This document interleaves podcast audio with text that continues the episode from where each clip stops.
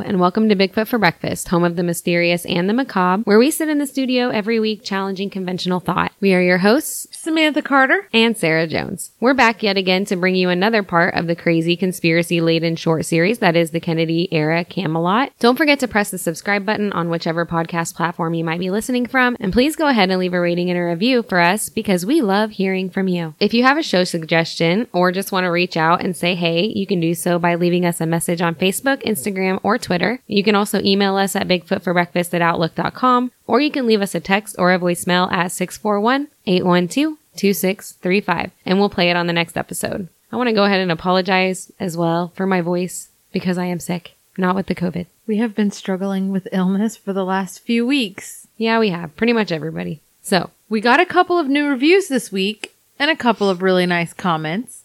One person was pretty happy about the fact that we don't make our show super political, but I do know that we have made a few comments over the past year in a couple of shows that did show a little bias, but in our defense, those were somewhat political shows to begin with. Overall, we do try to keep all of that stuff out of the show and stick to what we're good at talking about. I think we're good at talking about politics.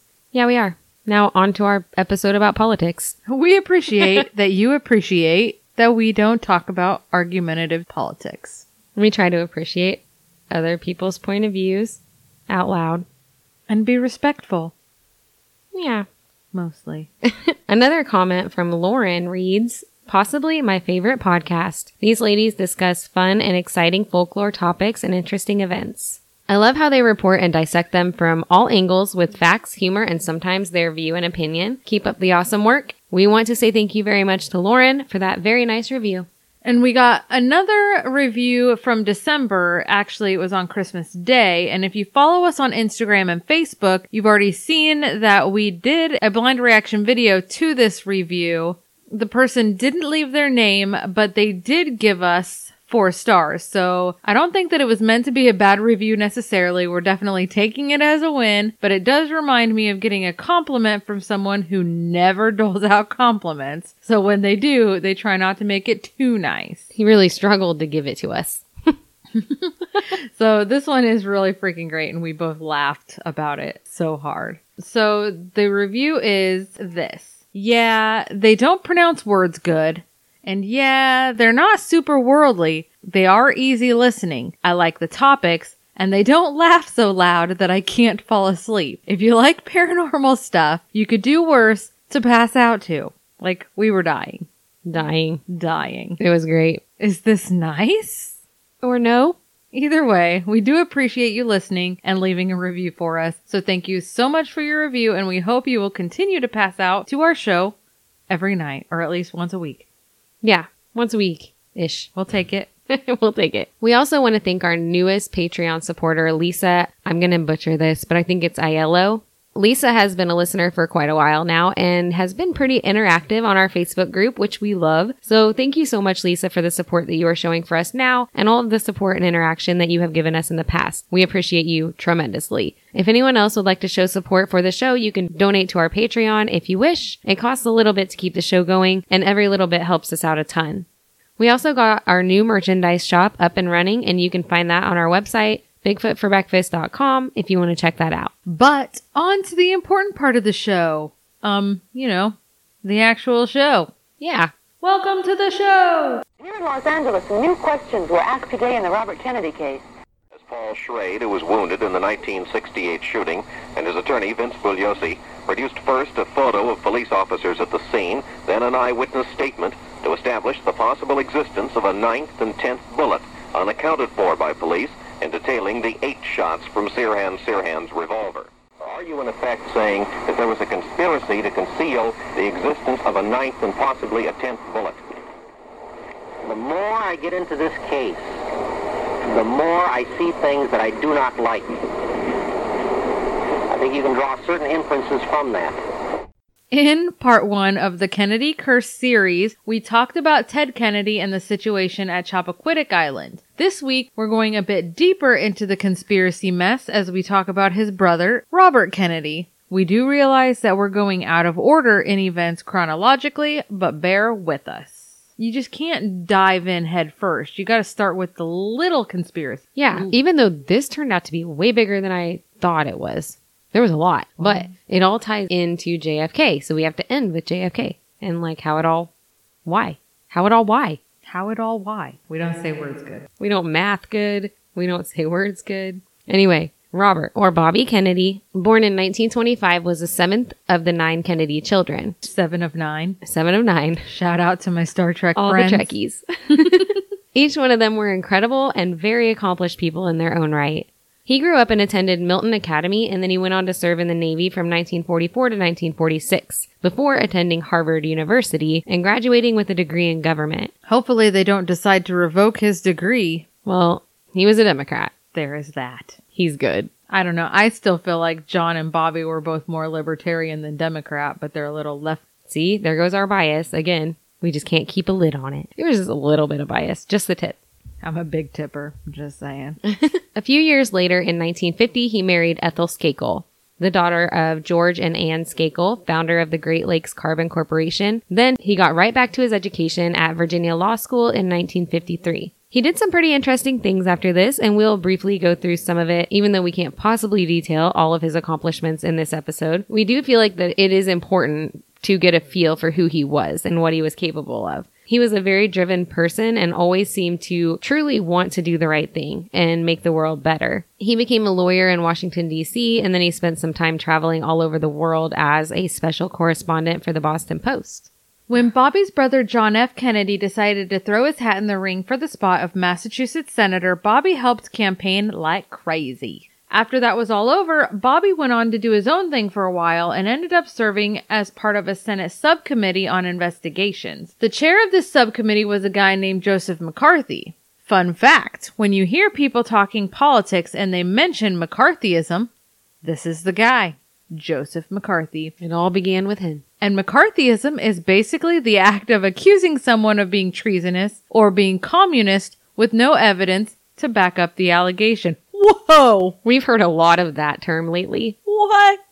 Can't imagine. Apparently, during the Cold War, he was a big part of hyping up any scares of Soviet spying that weren't always accurate. Anywho, Bobby did some investigative work for this subcommittee and figured out that some of the countries who had been allies with the US against communist China had also been supplying China with goods. Super weird, right? This finding and the overzealous nature of McCarthy and his chief deputy trying constantly to tie American foreign policy makers to treason forced him to leave after only six months. It sounds like McCarthy was always stirring up drama and looking for problems when there weren't any and he should have been paying attention to his job.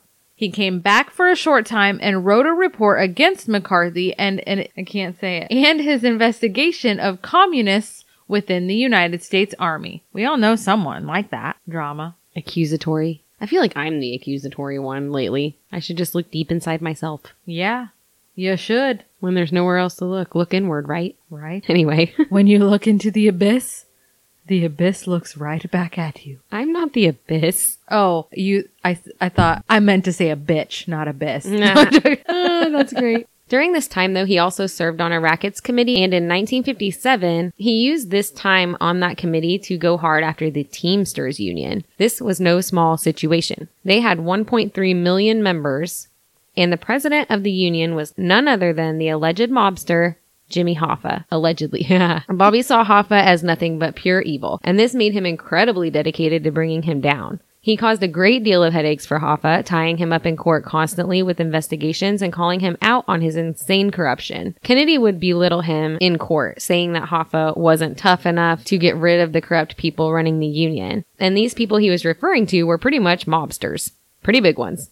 You can actually look up footage of Kennedy interrogating Hoffa relentlessly, and it's pretty easy to see Robert Kennedy's passionate aggression and the way that he gets under Hoffa's skin. Robert Kennedy made a pretty obvious enemy here. He would say things to belittle Hoffa, and Hoffa would retort with smartass comments about how he just didn't know what Bobby was talking about. These sessions went on for months constantly, and Bobby called more than 1,500 witnesses against him. Hoffa constantly denied doing anything wrong. Hoffa wasn't the only big mobster Kenny was going after, but he certainly was the most aggressive with him. Either way, he wasn't winning any friends within the mob community in the United States. Which I find a good thing in a politician. Yeah, probably best not to run with the mob. And then eventually your government just becomes the mob. No comment? Literally. No comment. Later, when his brother JFK won the presidency, and although it was kind of a controversy at the time, he was appointed to serve as Attorney General for him. Here, he created some more enemies. Some more pretty big ones. Sadly, most of these enemies stemmed from his tireless fight for human rights, mainly integration and the right for African Americans to vote in America. Some strong and ruthless people within politics came out against Bobby Kennedy in this fight and were very loud and angry about it. If there was anything in the world that Bobby Kennedy seemed to hate, it was communism. And he worked incredibly hard against it throughout his entire career in whatever capacity he served. At a time when communism was the number one enemy in America, he made no qualms with constantly denouncing it. In 1959, the Cuban communist regime became a direct and pretty clear threat to the United States after Fidel Castro forced his way into power. And the Bay of Pigs happened, which was a pretty big embarrassment for the United States. For those who don't know, the Bay of Pigs was basically a plan to train Cuban exiles in military combat and send them to Cuba to overthrow Castro. In 1961, new President JFK authorized the plan, but he wanted to keep the U.S. involvement a secret. The whole plan was pretty strategic, but it depended mostly on the Cuban people having their back.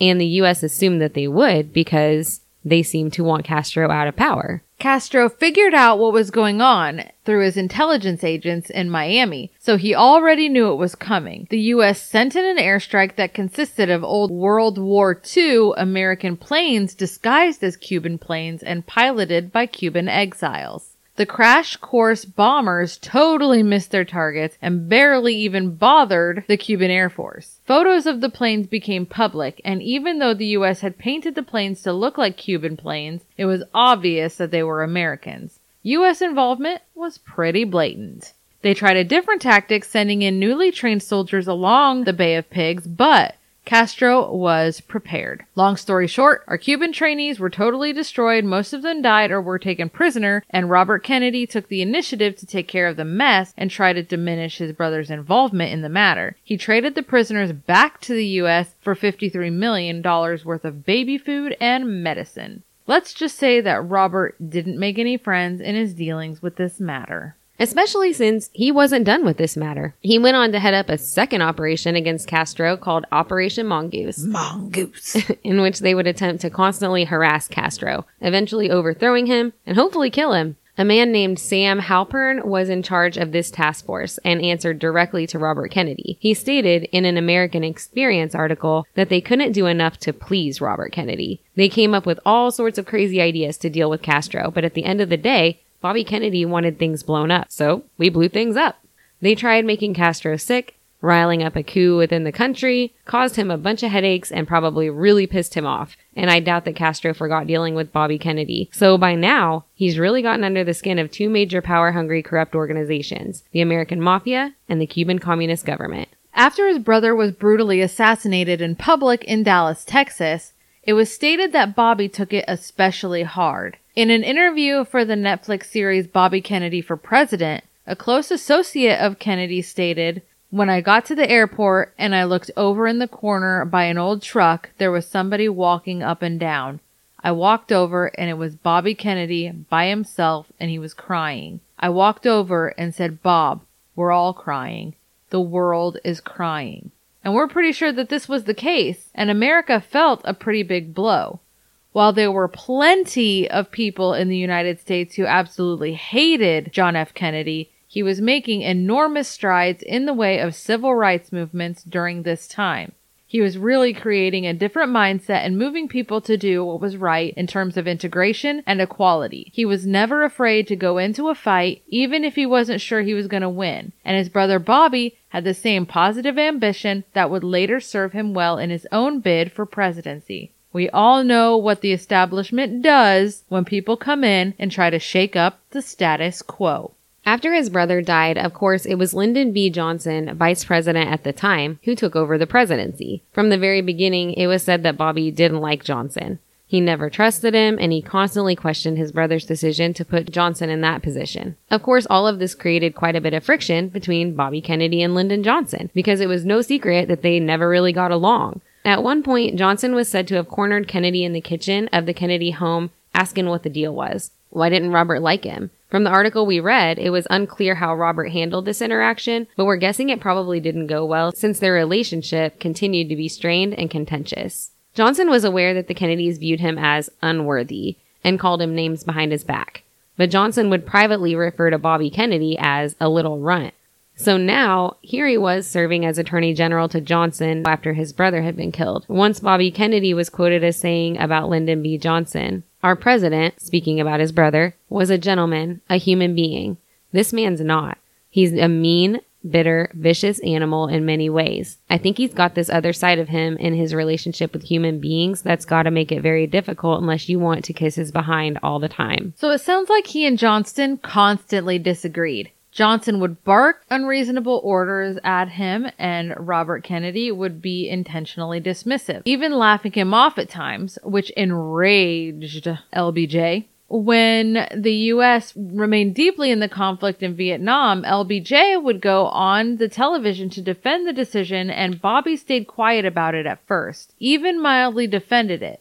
But it wasn't long before he began to publicly speak out against it and Lyndon B. Johnson became more determined to win the war, even though Bobby felt it wasn't going to happen and that we needed to stop sending troops. It was an unwinnable war that was none of our business. Instead of pulling our troops out of the war, though, LBJ raised the draft call. In an article for American Experience, they wrote about a disagreement between LBJ and Bobby. Apparently, LBJ wanted a Democratic National Committee member taken out of his position. At this time, that particular National Committee member, John Corbin of New Hampshire, happened to be trying very hard to get people to write in Bobby Kennedy for president in the upcoming 1964 election. And of course, LBJ would be running for president and wanted to be the one on the Democratic ticket. At this point, Bobby had announced no plans to even run for presidency. LBJ walked into Bobby's office and demanded that Bobby get rid of the committee member. Bobby refused to get involved. Corbin had been appointed by his brother and it was not Bobby's responsibility.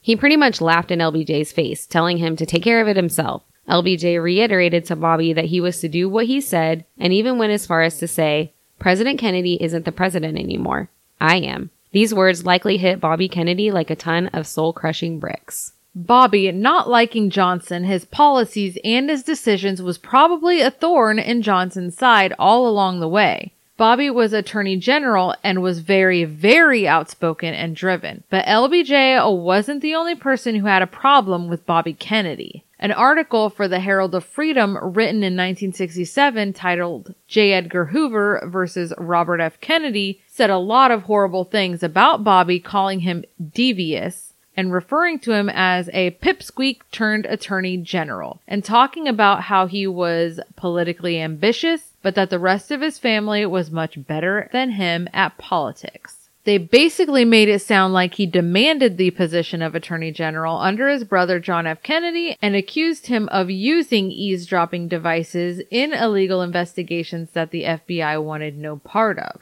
They cited this reason, among others, that there was a lot of bad blood between he and the FBI director J. Edgar Hoover. They accused him of putting the blame on Hoover when he supposedly was caught bugging people when he wasn't supposed to be in order to save political face. The article even talked about Bobby having an affair with the late Marilyn Monroe and his wife, Ethel, threatening divorce. It was pretty smeary. The author of the article goes on to talk about the Marilyn Monroe case.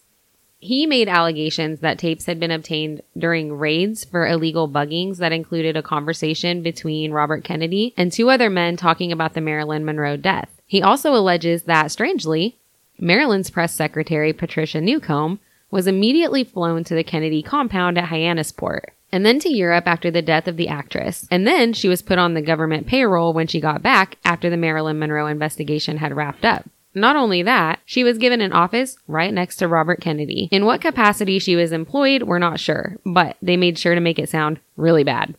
And just so you know, we have a whole other episode coming up on Marilyn Monroe's very suspicious demise as well. But that's not the end. The writer goes on to make even more allegations against Robert Kennedy. He wrote about more illegal wiretapping that was happening under the direction of Kennedy in regard to the Jimmy Hoffa investigations that he headed up as well as jury intimidation and bribery. He blames all of this misconduct on Kennedy's personal vendetta against Hoffa. Now, this article was written a long time ago and it's very long and incredibly hateful. We're not sure how credible it is because if you read it, it sounds very emotionally charged. The point is, he had some enemies and some accusations. We don't know if Bobby Kennedy was illegally wiretapping people or not. It kind of sounds like he was. The dive that we took into the FBI files was interesting. There were documents after documents that show that the FBI was keeping a very close eye on every move Bobby Kennedy made, and they often talked about the wiretapping. In regards to FBI involvement, though, J. Edgar Hoover's responses seemed much more like he wanted the FBI to appear not to be involved. He never actually seemed to say that they weren't, though. It kind of makes a person wonder if the FBI wasn't just placing the blame on Kennedy in his position as Attorney General when the wiretapping allegations started coming out. The FBI would never do that. Especially not J. Edgar Hoover. They spent a lot of time pointing fingers at each other. There were several documents in which a member of the press would write to J. Edgar Hoover about Kennedy's wiretapping, and Hoover would usually respond with a letter indicating, but not outright saying, that they should run a story to make it sound like it was Bobby and just to leave the FBI's name out of it. Speaking of his disagreements with J. Edgar Hoover, like we said, it doesn't take much digging into the FOIA FBI declassified files to show that the FBI had been closely keeping an eye on Bobby Kennedy. There are documents in there about how he helped Martin Luther King, things he did for MLK's family after he'd been assassinated. They talked about Bobby Kennedy trying to buy the primaries in Indiana by paying college students to hustle up votes, spending 750,000. There were also several documents simply informing J. Edgar Hoover of where Robert Kennedy was and who else of interest would be in that area in conjunction with Bobby, namely Stokely Carmichael, another major civil rights activist. There was a document informing Hoover that Robert Kennedy was receiving campaign donations from the Lilly Foundation, which was an organization to help troubled youth of color. These are just a couple of examples of the FBI's obvious interest and following of Robert Kennedy and his association with the civil rights activists and organizations. There were even a few documents in this in which members of the FBI corresponded about how they could use information that they collected to leak and embarrass Robert Kennedy. Seriously, there were a lot of documents in which members of the FBI, J. Edgar Hoover, expressed great distrust and dislike for Kennedy. Ironically, though, we also found a very nice letter from J. Edgar Hoover to Ethel Kennedy after Bobby's death, expressing his profound sadness over the tragic loss of her husband, in which they offered their deepest sympathy to her and her children. He expressed that Kennedy's passing leaves a great void in the hearts of the entire nation. So that was nice. Only one year later, though, on November 16th of 1970, J. Edgar Hoover did an interview in which he talked a lot of crap about RFK, stating that there was only one attorney general worse than Bobby, and that was Ramsey Clark. Our point is, not only was Bobby making plenty of waves and trouble for communist organizations, white supremacy groups, and the mob, he had enemies on his own team. LBJ was pretty annoyed by Bobby constantly overstepping and defying him, and J. Edgar Hoover constantly expressed great dislike and distrust for him as well. Through all of Bobby Kennedy's civil rights work and the ways he helped the movement and the support that he gave Martin Luther King, there were also reasons to think that Kennedy was also employing a quote, keep your friends close and your enemies closer strategy here. Reading through all of the FBI files also gave the impression that Kennedy actually was bugging Martin Luther King and he was having people watch him and report back to him who MLK was associating with out of concern for his activities related to national security. Kennedy was in a position to do this as Attorney General, so was he doing it out of duty while simultaneously genuinely supporting him? Or did he have actual suspicions that MLK was up to no good? Some of these documents seem to genuinely indicate that Kennedy might have thought MLK was communicating with known communists and Marxists, but there were a lot of things said about Kennedy in these papers that didn't seem to be true.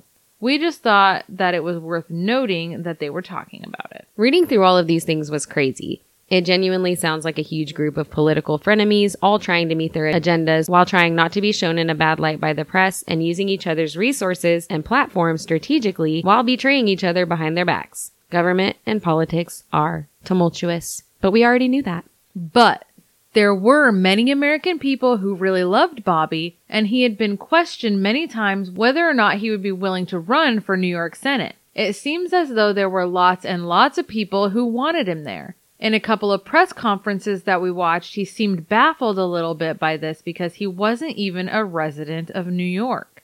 In one conference, he was telling a reporter that he wasn't really sure what he had planned for his life. He kind of wanted to teach. He kind of wanted to be a writer and he kind of just wanted to go away for a while. He also expressed that he thought it would be in New York's best interest maybe for someone who actually lived there in New York to serve in this position. But something must have changed along the way because in the next race for the New York Senate, Bobby Kennedy took up residence there and he seemed to be an easy Democratic nomination to run against Republican Kenneth Keating. It was a tough race since Kennedy was labeled a carpetbagger from the start, but Bobby kept his humor. Fun fact, a carpetbagger was a common term for politicians who presumptuously seek positions or success in a new locality.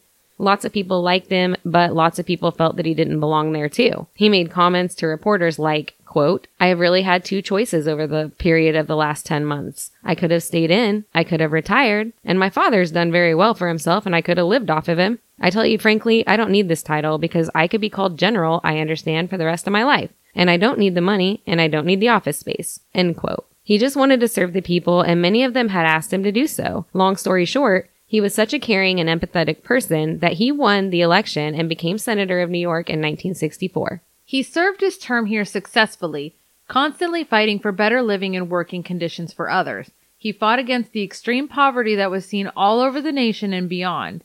He went to Delano, California to break bread with Cesar Chavez, ending a 25 day hunger strike in their fight for the conditions of migrant workers. He forced better working conditions and better pay in some areas and encouraged industrial development in others to create jobs. He advocated for work over welfare and tried to help people help themselves. He even made some enemies doing this because, of course, some bigwigs lost out on some money when they were forced to make things a little more fair. He went on to run for the presidency in 1968. LBJ had decided, for whatever reason, not to seek a second term, and Bobby Kennedy was looking incredibly promising for the Democratic pick to run against President Nixon. That next year, he spent campaigning. He delivered speeches all over the U.S. and made incredible strides in uniting the country. He promoted hope, fairness, prosperity. People loved him as they had loved his brother.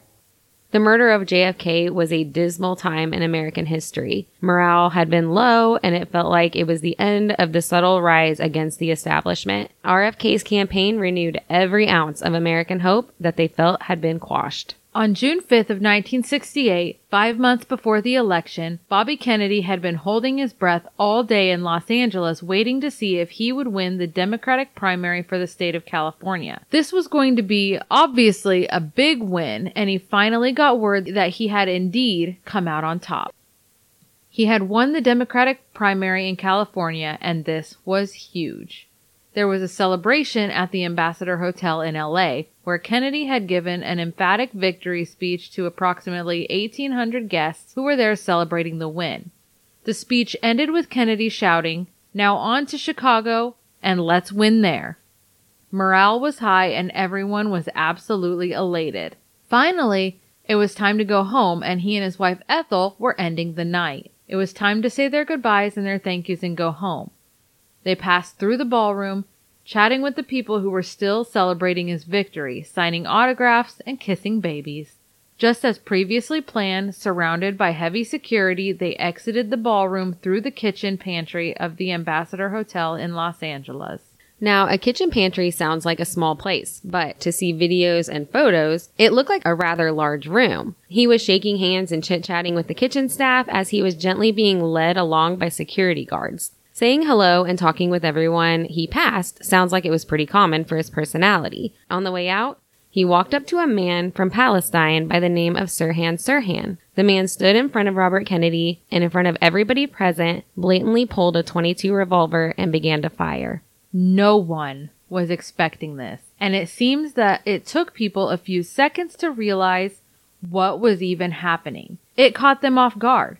It was just previously a jovial and innocuous moment in which they were simply trying to leave a party, a time when everyone was happy and a risk of danger seemed to be low. An environment full of people celebrating what was to come. When it became clear what was happening, Instantly, people started dogpiling on top of the gunman as he continued to pull the trigger in his 8 shot 22 revolver until it was empty, hitting six people altogether. Paul Schrade, a speechwriter, had been hit directly in the forehead and was at first presumed dead.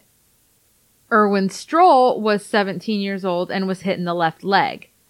William Weisel was an ABC director who was hit in the abdomen. Ira Goldstein was a reporter who was shot in the hip. Elizabeth Evans was an artist who was luckily only grazed by a bullet on the forehead.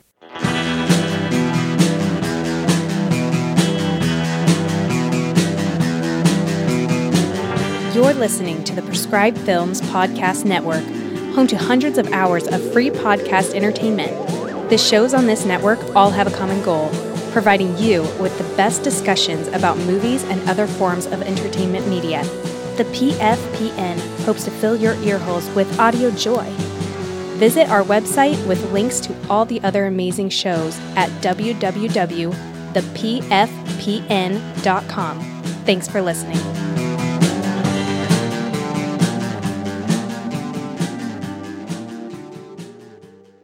At the end of the commotion, it appeared Robert F. Kennedy was shot three times. Once in the right armpit, another directly below that, about an inch and a half, and a third bullet hole was noted just below his right ear. He was rushed immediately to the hospital. There are heartbreaking photos from the moments after Kennedy was shot in which he appears to be awake, with his wife dutifully at his side trying to comfort him. It was said that some rosary beads were placed into his hand as he lay on the floor by a busboy named Juan Romero. And as he did this, Kennedy asked in a whisper, Is everyone all right? He died from his wounds approximately 24 hours after arriving to the hospital.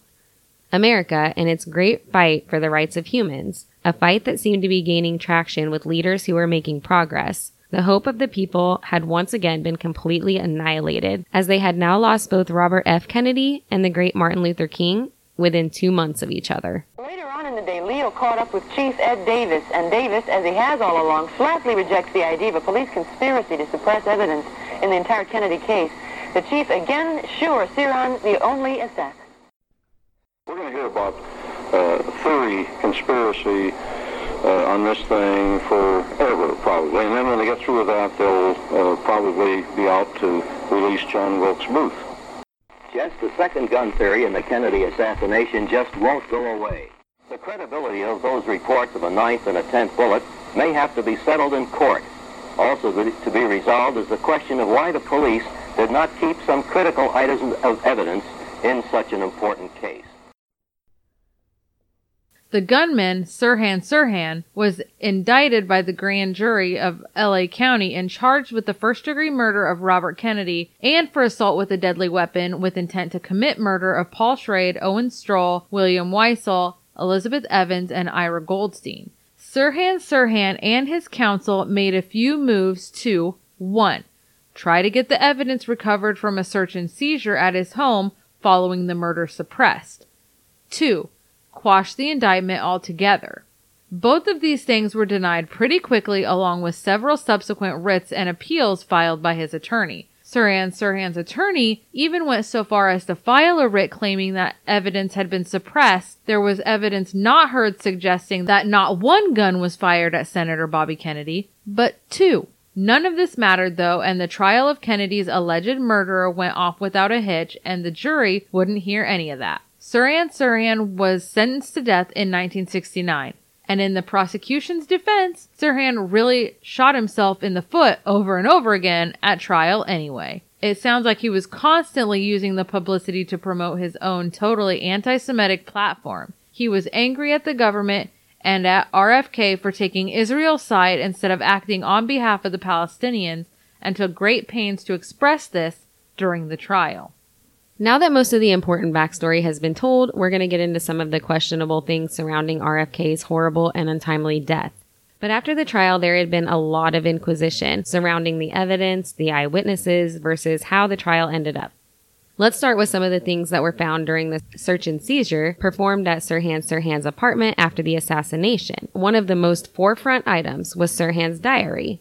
By its descriptions, it sounds a lot like a book full of rantings from a madman. Scribbled over and over and over again inside of it were things like RFK must die, Robert F. Kennedy must be assassinated, along with other phrases that didn't really make any sense.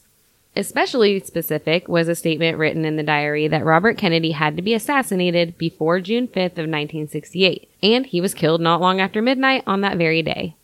Sirhan Sirhan claimed from the very beginning that he has zero memory of shooting Robert Kennedy at the Ambassador Hotel.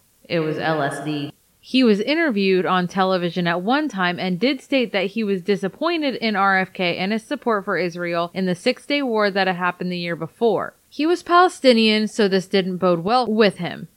Rumor has it that Sirhan Sirhan was super obsessed with mystical things. He believed that he was on the verge of being able to control things that would happen with his own mind and was really particularly enamored with hypnosis. According to an article from the Mary Ferrell Foundation, The Robert Kennedy Assassination, it was stated that he was very easily hypnotized and it was thought that the strange repetitive nature of the writings were because he wrote in his diary while under hypnosis. After Robert Kennedy's assassination, obviously the DA's office in LA investigated and issued a report of their findings, just like normal. In the report that was provided by the investigation, Sirhan Sirhan was named the only gunman on the scene. Sirhan Sirhan went on to trial before a jury of his peers in 1969 and was found guilty of the first degree murder of Robert Kennedy. But for years later, large amounts of pressure had been placed on the California courts to reopen the case and have it re-examined. And the pressure didn't just come from a bunch of conspiracy theorists. Other judges, notable scholars, attorneys, educators, and a lot of credible people wanted this case reopened and reinvestigated by people outside of the regular court system because they believed the whole story wasn't being told. And that's a nice way of putting it. Many believed that the whole story was being hidden.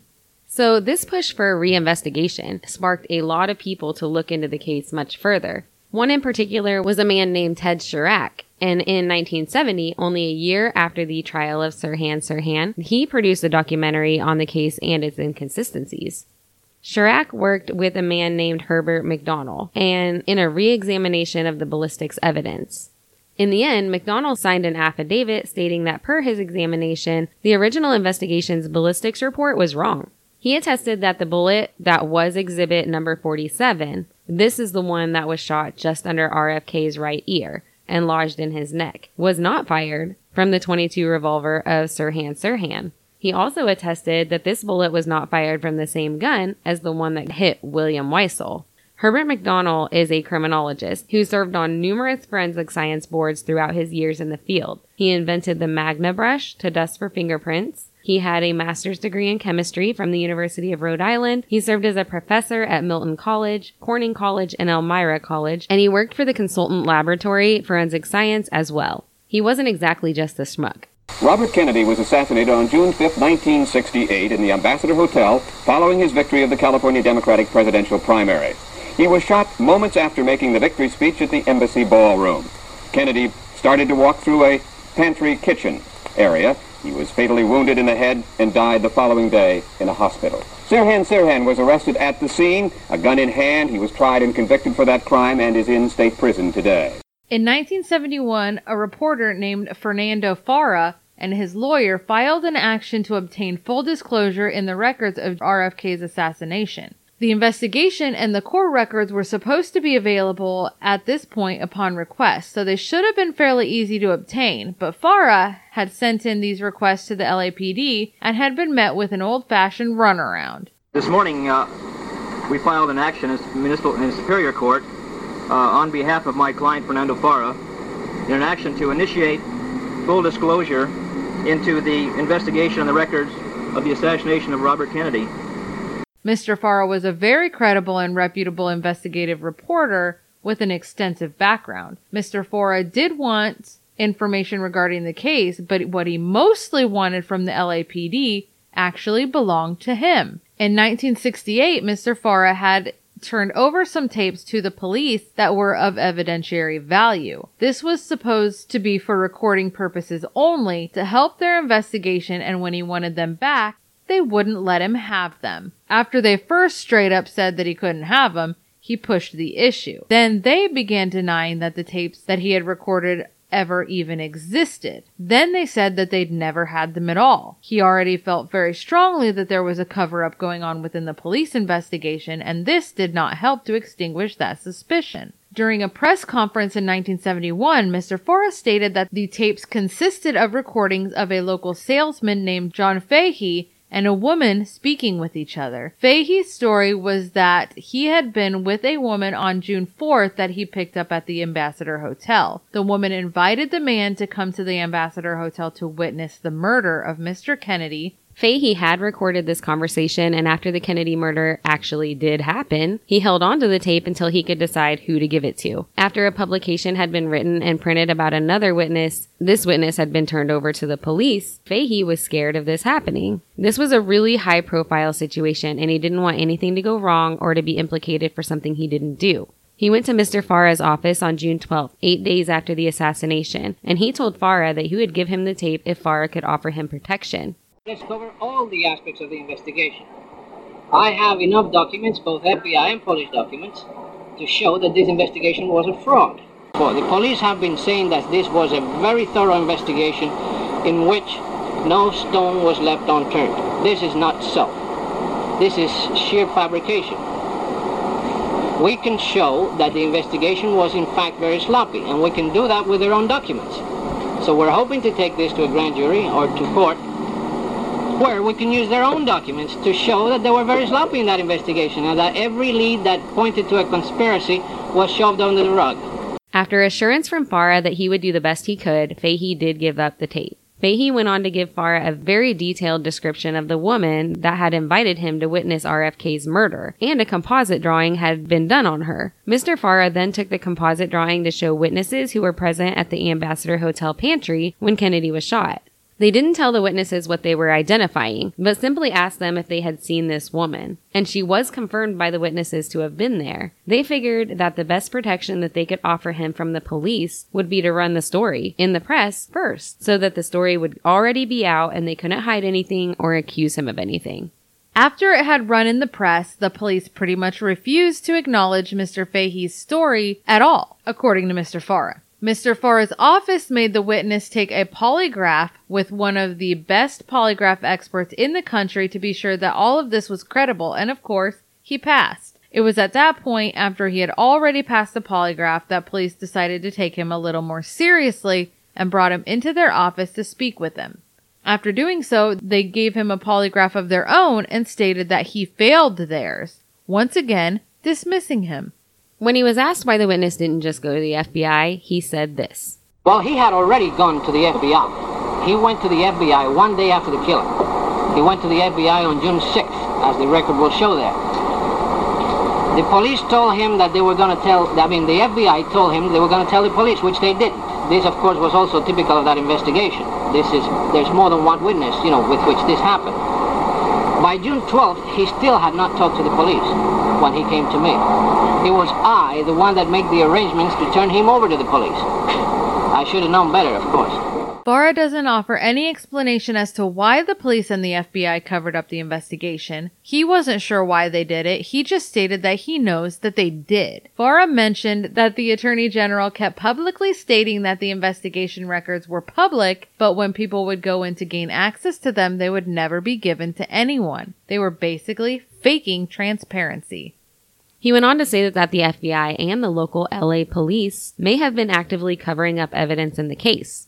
He then gave an example of a testimonial report regarding one of the witnesses, a Mr. Victor Albert Ellis. The FBI stated that they showed Ellis a picture of Sirhan Sirhan and he identified Sirhan as the shooter. Later, when Faura spoke with Ellis, he stated to him that he was never even shown a photo in the first place. So why would the FBI report blatantly lie about this? Faura goes on to call the entire investigation a fabrication, a fraud, and extremely sloppy and states that all of this can be proven with their own documents. So there are two witnesses, one who was almost completely dismissed for whatever reason and another whose testimony was falsified. And this is only the start of a long line of such witnesses who had a bad experience with the FBI and LAPD investigators who were working to solve the murder of Robert Kennedy, all of which we can't possibly get in one episode. In 1974, yet another gentleman looked into the ballistics evidence and re examined it. He was a retired investigator for the California State Crime Lab, and his name was Lowell Bradford. He also looked over the initial re-examination by the highly credentialed Herbert MacDonell and agreed with his conclusion and findings that the bullets were different and could not have come from the same weapon. In 1975, a panel of ballistics experts were appointed and asked by the courts in LA to go over this evidence as well. This would be the third re-examination of the ballistics evidence. The previously mentioned Lowell Bradford served on this panel. They discovered that the bullet evidence was actually seriously mishandled by LAPD. Some of them were switched around from their original labeling, and they even found reason to think that the gun in the evidence wasn't even the actual gun that Sirhan used. Upon searching, it appeared that the original gun checked into evidence as Sirhan's gun had a different serial number than the one used in trial, and they believed that the test gun used in the original ballistics investigation for the trial was actually introduced into evidence as the real gun. What the hell? Whoops. This panel also looked at the report from the initial search of Sirhan's car. This report stated that two bullets were removed from his car and that on these bullets they found traces of wood on the bases and on the tip. It doesn't say whether these were new bullets or spent bullets, but in the article regarding the assassination at the Mary Ferrell Foundation website, they do beg the question, were these the bullets dug out of the door frame in the pantry after the shooting? We haven't talked about it yet, but there were supposedly two other bullets that had been lodged in a door frame and in a door divider that were later denied having been bullets at all. Yet there are photos of police officers digging these bullets out of those areas. There are other reports that state that a desk clerk from the hotel was the one who identified those particular bullet holes, and that upon investigation they were deemed not to be bullet holes at all, but holes caused by wear and tear. Yeah, I feel like that would have been really obvious right from the very beginning, but I digress. Might your cause of death right there. I feel like we would be really good investigators. Keyboard investigators. This was an idea raised many times over the years. Tons of people claim that there were more bullets found lodged around the room in which the shooting occurred than the number of bullets that Sirhan's gun could hold, and he didn't reload. So, where did these other bullets come from? The police have always maintained that there were only eight bullets recovered, and that Sirhan's revolver held eight shots. So, why so much controversy over this? Again in 1975, special counsel to the Los Angeles County District Attorney's Office, Thomas Kranz, was appointed to independently investigate the assassination of the senator in an attempt to gain a fresh look at the case. So the first three re-examinations were re-examinations of the ballistics, but this new one, Thomas Kranz was asked to do a whole examination of everything, go over all the evidence, all the testimony, and just redo it from a different point of view. He seemed to be a good candidate to provide this fresh look because he went into the case having previously expressed reservations that he had had with how the case had been handled. He had stated publicly that there were a lot of unanswered questions. He hadn't necessarily felt that Sirhan Sirhan had been falsely accused, but was more concerned that the Los Angeles system of justice had lost credibility with the public due to their lack of diligence with the witnesses, general refusal to adequately answer legitimate questions, and to quell public unrest about the possible second shooter. He felt that the public largely did not feel confident with the work that they had done, and I'm going to go ahead and tell you that just like JFK, he was killed by the smoking man from the X Files. Yeah, I called it. I seen it with my own eyes. Hmm. Cran's report, though, was taking a very long time being released to the public. It wasn't long before rumors and speculation about why this report was taking so long to finish up were abound. It was being circulated that the delay was being caused by last minute changes made within the report before it would be made available publicly, and people were suspicious of these changes. It seemed that this report would end up blaming most of the supposed need for evidentiary re-examination and the reaction of the public and the media for a more thorough investigation on the simple fact that Robert Kennedy was simply a ho- a ho. He was a hope. Robert Kennedy was simply a high profile person. So this murder garnered the attention of a much larger crowd than a typical murder. So it was understandable that there would be much more public outcry. It sounds like there was a little more to it than that, though. There were actually a lot of inconsistencies with eyewitness reports and the coroner examination of the body of Robert Kennedy. His official report wasn't released at the time, but special counsel Thomas Kranz did do an interview in 1975 with Laddie Atterberg of KTTV, in which he speaks of the fact that during his investigation, there was no evidence whatsoever of there being a second gun involved in the shooting of Robert F. Kennedy, and that there was no evidence of Sirhan being involved in a conspiracy involving anyone else within the government, the police, or anywhere. He talks about how there are a lot of people that adamantly disagree with him.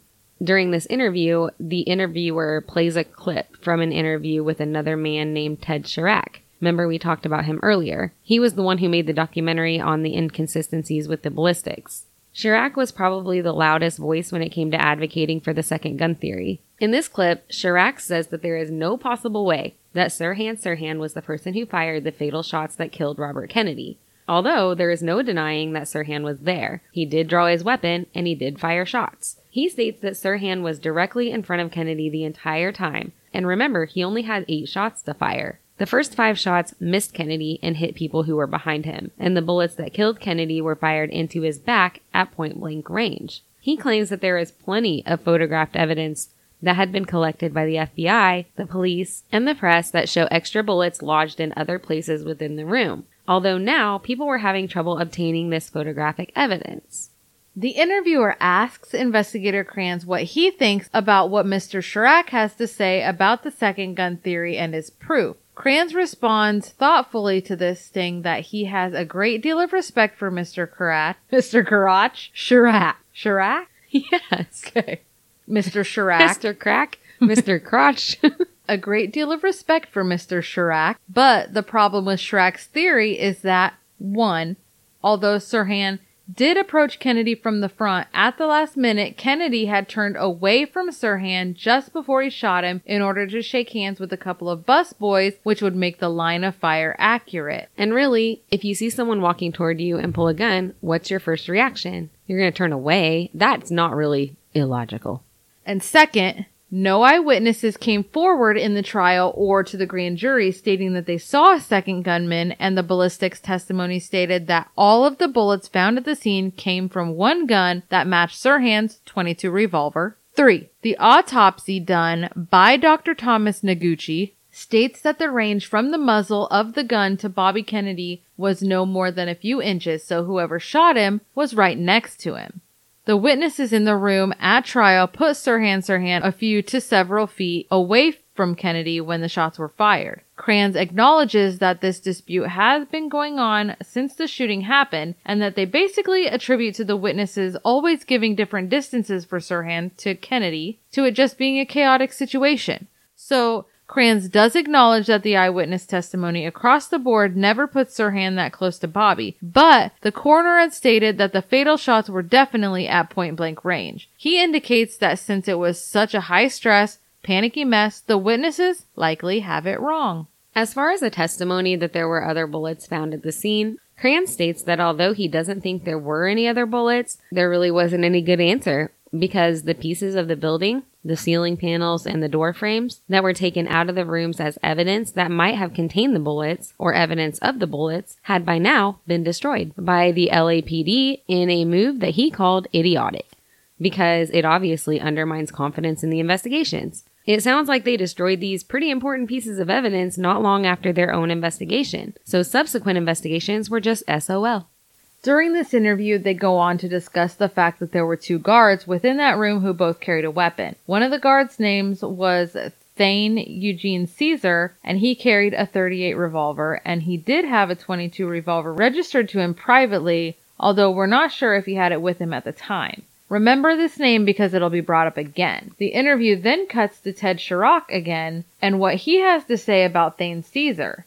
Charach states that according to witnesses, Cesar pulled his gun as soon as he got up from the floor after the first few shots had been fired. According to Charach, it was never established in any investigation whether Cesar was carrying the 38 or the 22, or whether or not he fired his gun. Kranz came back and retorted that he actually did interview Thane Cesar, and he told him that he was knocked down. He also told Kranz that he had been carrying his 38 that night, but that he never fired. And when asked why, he stated, because I was a coward. Security guard Thane Cesar went on to say that the LAPD and the FBI never even asked to interview him, even though he had been in the room when this important, super high profile murder took place. He actually sought out the police thinking that they might want to speak with him since he had been in such close proximity to Kennedy when he died, and he had pretty much seen it all. Why were the police not interviewing everyone, and who else did they miss? I didn't find any incredibly concrete evidence on this, but we did read a few articles that claim that Thane Cesar was not a fan of Robert Kennedy politically, and that he was a big supporter of a man named George Wallace. George Wallace was an Alabama governor who was constantly and very abrasively always speaking out against integration and yelling things like segregation forever into cheering crowds. He spoke out a lot against Robert Kennedy as well, and his influential speeches about bringing America together and supporting integration. A lot of people believe that it was Thane who fired the second gun. According to one of these articles, the police asked Thane about the 22 revolver that was registered to him that was similar to Sirhan's. Thane told the police that he'd sold it two months before the murder and that, like we said, he was carrying his 38 that night. But apparently, it was later found that his story wasn't completely accurate. Thane had sold this 22 revolver, but he had actually sold it three months after the shooting of Robert Kennedy.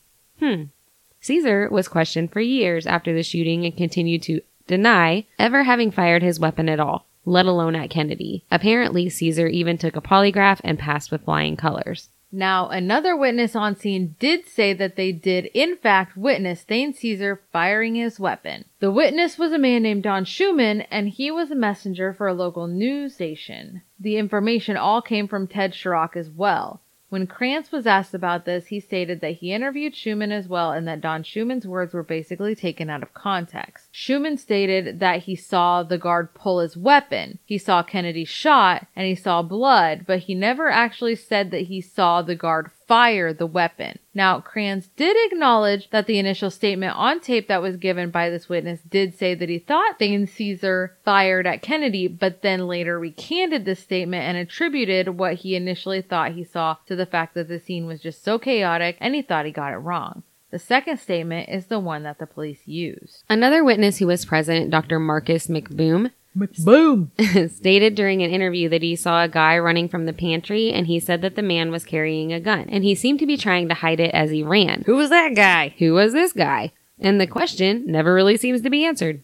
A few eyewitnesses at the Ambassador Hotel throughout the day and into the night stated that they had seen Sirhan Sirhan present there. Many of them put him in the company of a woman who was wearing a polka dot dress. After the shooting happened, one of the Kennedy campaign workers by the name of Sandy Serrano was out on the balcony when she saw a woman in a polka dot dress running quickly out of the hotel pantry with another man. As they ran away from the hotel, the woman was shouting loudly, We shot him! We shot him! Serrano yelled, Who? And the girl yelled back, Senator Kennedy. An LAPD officer named Paul Sharaga was told the exact same story by an elderly couple who were standing in the parking lot. The woman was described by all who saw her, and for the most part, all of the descriptions matched up. She was blonde, well built girl with a crooked nose wearing a white dress with black, possibly blue polka dots that were smaller than a dime. At that point, an APB was put out on the two of them. Supposedly, more witnesses who knew Sirhan had even seen him in her presence in the weeks before the murder as well. Hmm. A few other witnesses came forward regarding the woman in the polka dot dress, according to the Mary Ferrell Foundation website in an article on the Robert Kennedy assassination. One happened on May 20th. On this day, Kennedy would be speaking in a lunchroom at Robbie's restaurant in Pomona, California. Sirhan and a young woman were seen together trying to get into the lunchroom and even trying to climb stair rails in order to do so. They state that this man was shown a series of 25 photographs of young, dark-skinned men and picked Sirhan Sirhan out of all of them as the man trying to enter the lunchroom with a woman. A couple of campaign workers, Laverne Botting and Ethel Crahan, also reported being asked for a copy of Robert Kennedy's schedule by two men and a woman. Could this have been Sirhan and the woman in the polka dot dress and the other man that she was seen fleeing the scene with? A man named Dean Pack reported hiking in the mountain with his son at Santa Ana. They ran into two men and a woman shooting a pistol in the middle of nowhere who weren't very friendly, and they gave them a bad feeling. The people were hostile, and by the descriptions he gave, it sounded like one of the men was in fact Sirhan Sirhan. And then there was a man named Michael Wayne. And then? And then, allegedly, Supposedly, Wayne was in the room approximately 10 to 20 feet behind Sirhan Sirhan when he started firing. It's said that Wayne was in the room under suspicious circumstances in the first place, as he had somehow obtained a press badge that he shouldn't have had. When the shooting started, it was said that Michael Wayne fled the scene looking suspicious enough that he was tackled by police. When he was searched, a business card was found on him. The business card was for a man named Keith Gilbert. Oddly, Keith Gilbert was an alt-right extremist leader of the group called the Minutemen who had been imprisoned for possession of stolen dynamite. Michael Wayne denied being associated with the Minutemen. He denied knowing how he got the card or remembering ever even obtaining it. It's also of note that one of the LAPD officer's sisters was Gilbert's landlord, and it was her apartment in which the dynamite was found. That cop was interviewed and he admitted having contact with the militants of this far right group. Even weirder, come to find out that when Gilbert's home was searched, a business card for Michael Wayne was found too. So why would he have been carrying this on this day? And why did they even have each other's cards if they didn't know each other? What is an alt-right group possibly doing at a Democratic campaign event? Why are the cops involved in this alt-right group? Is this why the LAPD did such a shoddy investigation job? There is some speculation there, but that's just one theory in a million. It seems that's as far as the evidence went.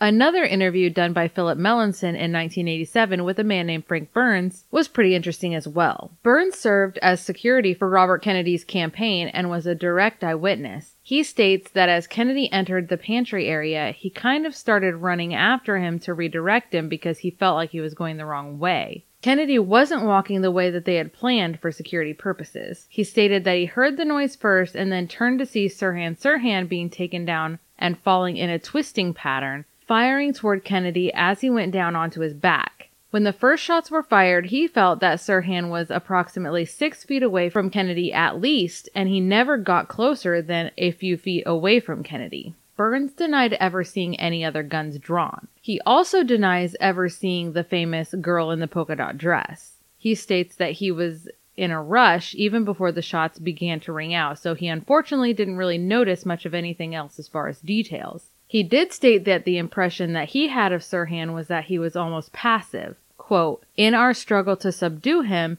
it wasn't that he was struggling to get away. It was that we were all almost pulling him in different directions. I don't remember him fighting or anything. The interviewer ended the tape speaking about a conversation that he and Frank Burns had as he was walking out the door. This part is about three and a half minutes long, but we want to play it, so here it is. Interview with Frank J. Burns Jr., Robert F. Kennedy assassination witness. Uh, I've just finished interviewing Mr. Burns this morning at his office. Um, we have a tape of that interview. It's about 50 minutes long. I wanted to put on the record uh, what happened external to the tape. Um, what happened essentially is that, that after a very, what I hope is a very good, detailed evidentiary recall of Mr. Burns, I was about to leave his office. We'd taken about an hour and 15 minutes to do that. Shook hands. It was all very pleasant. We're just about to the door where he's about to open it and show me out. And it's like a something flashed through his head. You could see it, expression on his face. And he, he closed the door that he'd opened and started walking back toward his desk very purposefully. And he said, um, I don't want to be premature. I know you're just researching this, but you must have some opinions. What do you, what do you think about this case? What do you think about the evidence in this case? And he sat down behind his desk.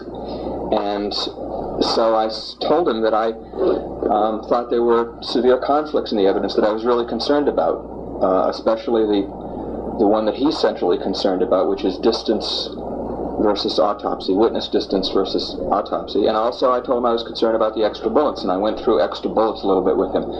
I told him of William Bailey, and I told him of references in the FBI memos, and went through all that, and he seemed very concerned. He, it's kind of emotional look on his face. This was not easy. He'd spent the, the morning recalling, you know, the trauma of this assassination, and, and, and gone back and forth, both very animated and at times, you know, uh, you almost see emotion welling up.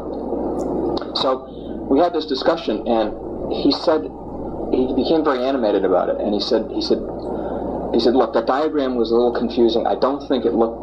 I, am not doubting it was to scale, but it looked confusing. He said, I want to show you something. I want to show you this. He said, uh, I may be in doubt about the, uh, how far north and how far south all of us were standing, you know, in relationship. I may be in doubt of, of about a couple of things, but what I'm not in doubt about is what I want to show you, and he mimed for me distance and angle. He, we just recreated the whole thing. He, he paced out an appropriate distance, and he said, here's where Sirhan was, here's where the gun arm was, here I was facing into it, I know, I saw it, and the senator was behind me, and he was just emphatic about it. it was, he says, you know, Sirhan was, was that far away, and I'm not in error, and it wasn't inches, and, he, and the gun never got to his head. Um, then it's almost as if he, he wanted to play devil's advocate, like he was he didn't want to seem like he was a conspiracy theorist, theorist or something. I, said, I you know, I agree with him. There was a real problem. He said, but you know, and he went into possible alternatives. He said that, well, you know, Kennedy was twisting. Kennedy could have fallen back towards Sirhan uh, to make up the, the problem with the distance. And then he stopped and said, of course, had he done that, I know about it because I was right there, and, and I know where he ended up, which probably means he didn't do that, you know, on the floor, and, and I would have felt him doing that.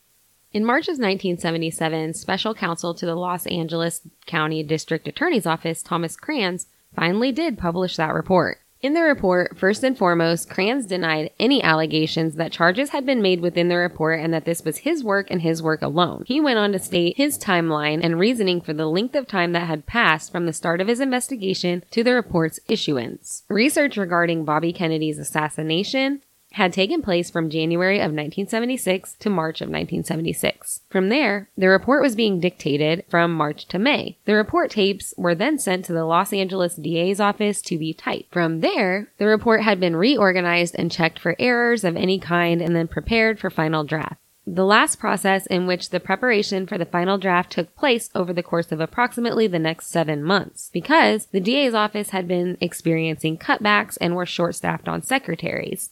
Basically, we read the report and it stands by the supposed evidence given and the testimony of the original investigators that there was no second gunman, there were only eight bullets found at the scene, which would be consistent with Sirhan only having eight bullets to fire, and that Sirhan Sirhan acted alone in the murder of Senator Robert F. Kennedy. In 2004, a Polish journalist came forward claiming to have audio recording from the pantry when RFK was killed. Handy. The journalist's name was Stanislaw Pruszynski. An audio analysis of the tape was done, and the final report of the analysis revealed that 13 shots were heard in a 5 second span on the audio, which is weird, since Sirhan's revolver only held 8 bullets, and there was no second gunman. But of course, this is only one analysis and it's still up for debate, but interesting nonetheless.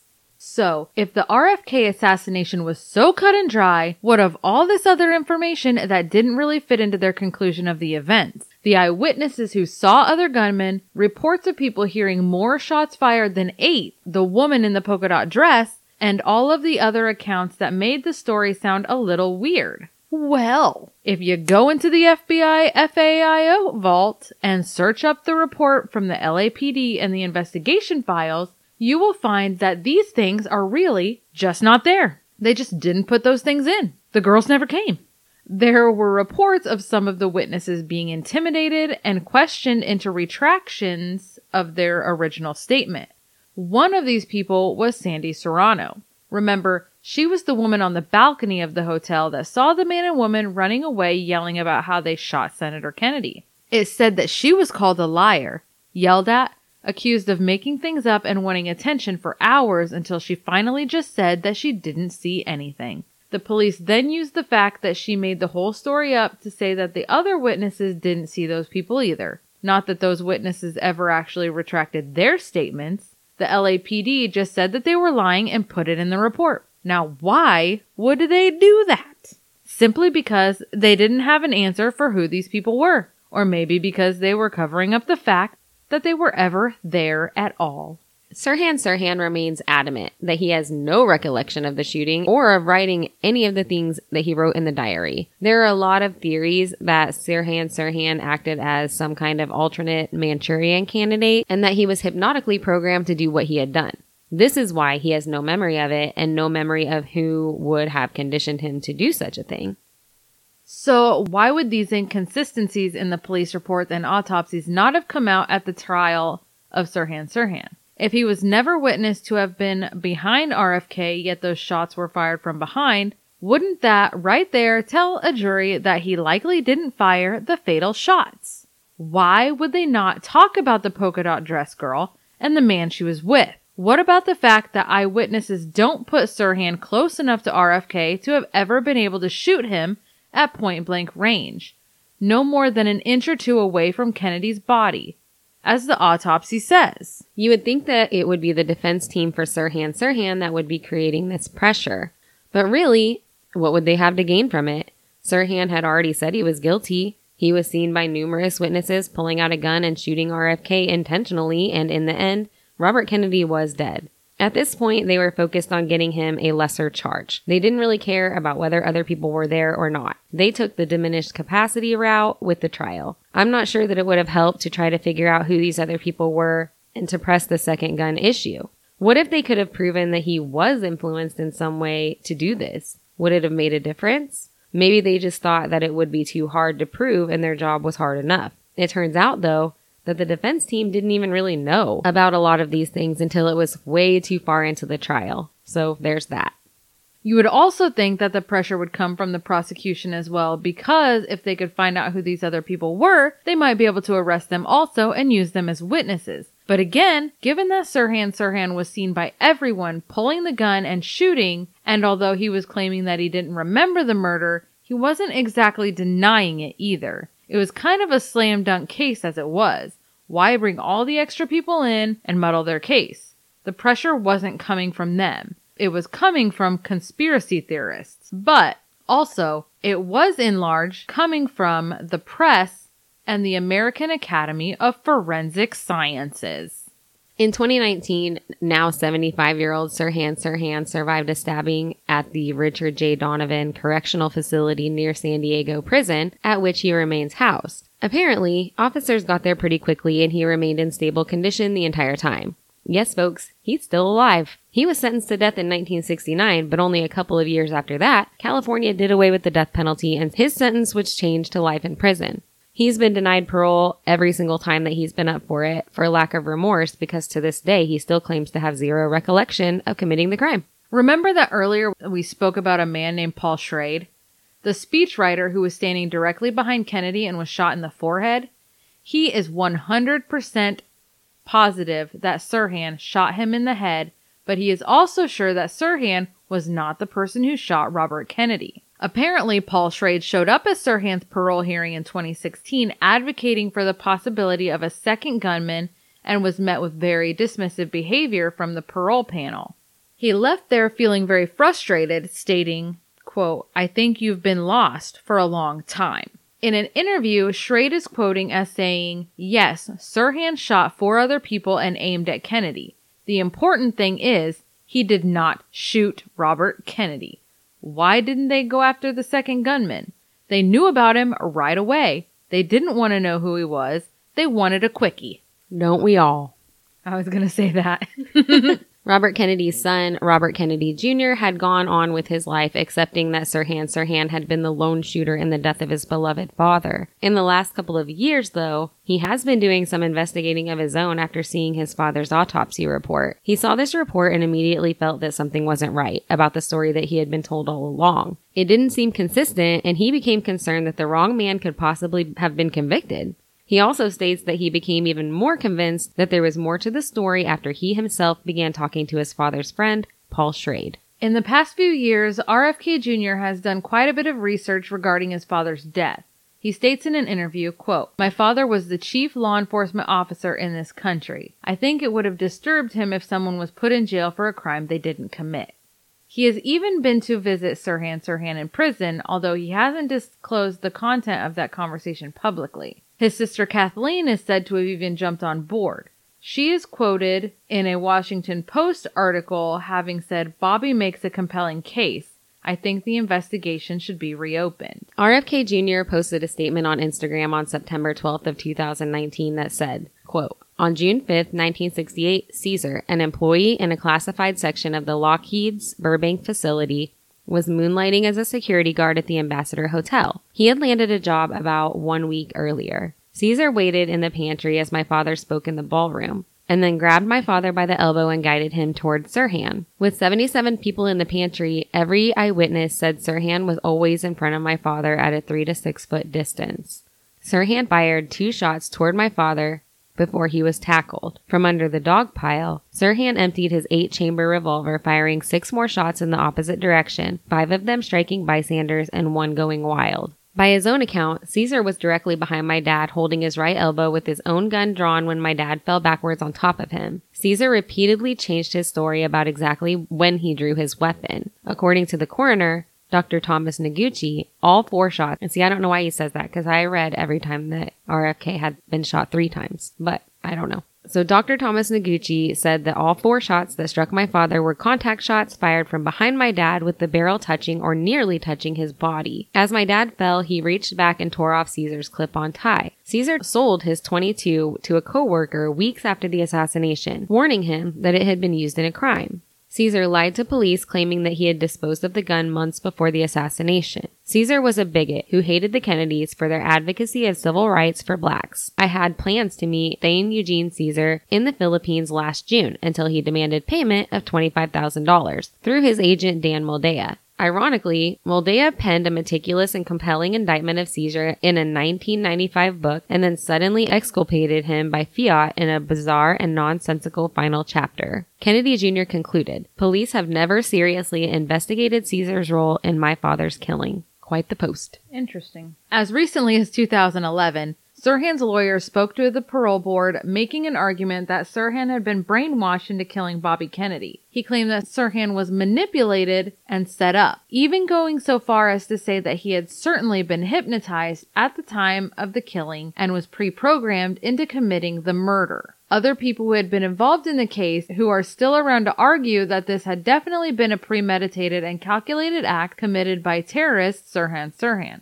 But Sirhan Sirhan, even under hypnosis and questioned, has always denied any memory of killing Kennedy. Under hypnosis, Sirhan said that he remembers being, quote, led into a dark place by a girl who wanted coffee and then being choked by an angry mob. There is a whole host of people, including prominent psychiatrists over the years, that speculate that Sirhan Sirhan was hypnotically programmed assassin. So basically, this was sold as an open and shut case, but as it turns out, there was so much evidence to the contrary. Eyewitnesses were basically ignored or dismissed without much cause. The other man and the other woman in the polka dot dress were never really even looked into. Per some pretty good experts, the ballistics don't match up to the scenario that Sirhan acted as the lone shooter. Ballistics evidence was lost and mishandled.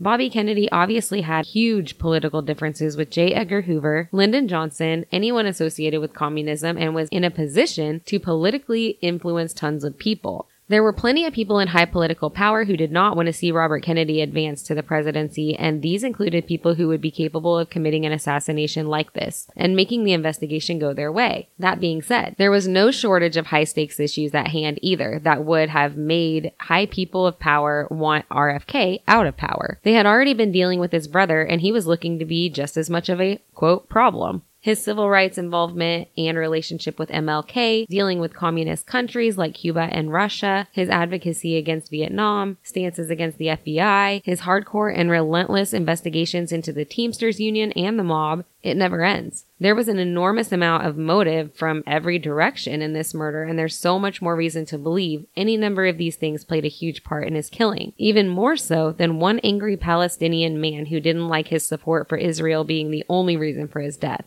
The crazy amount of corruption in politics is unending and pretty savage. There's a reason why conspiracy theories emerge, and while there's a pile of people who love to use that term and make people who question the government seem crazy as hell, one look into the FBI files that have been declassified and the CIA files that have been declassified really make a person acutely aware that things that are deemed conspiratorial are not so far fetched. Forgive us for jumping around so much in this episode. We didn't even begin to cover everything here. There was such an enormous amount of documents to go through. We really had to cherry pick the information in order to keep this episode at a listenable length.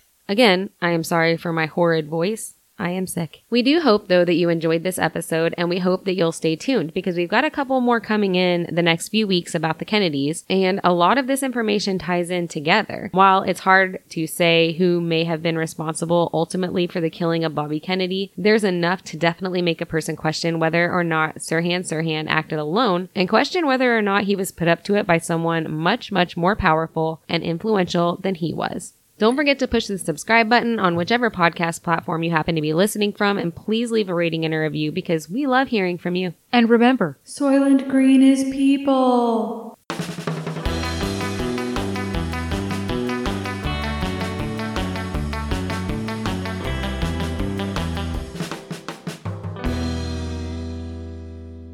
It's people. Come at me, bro.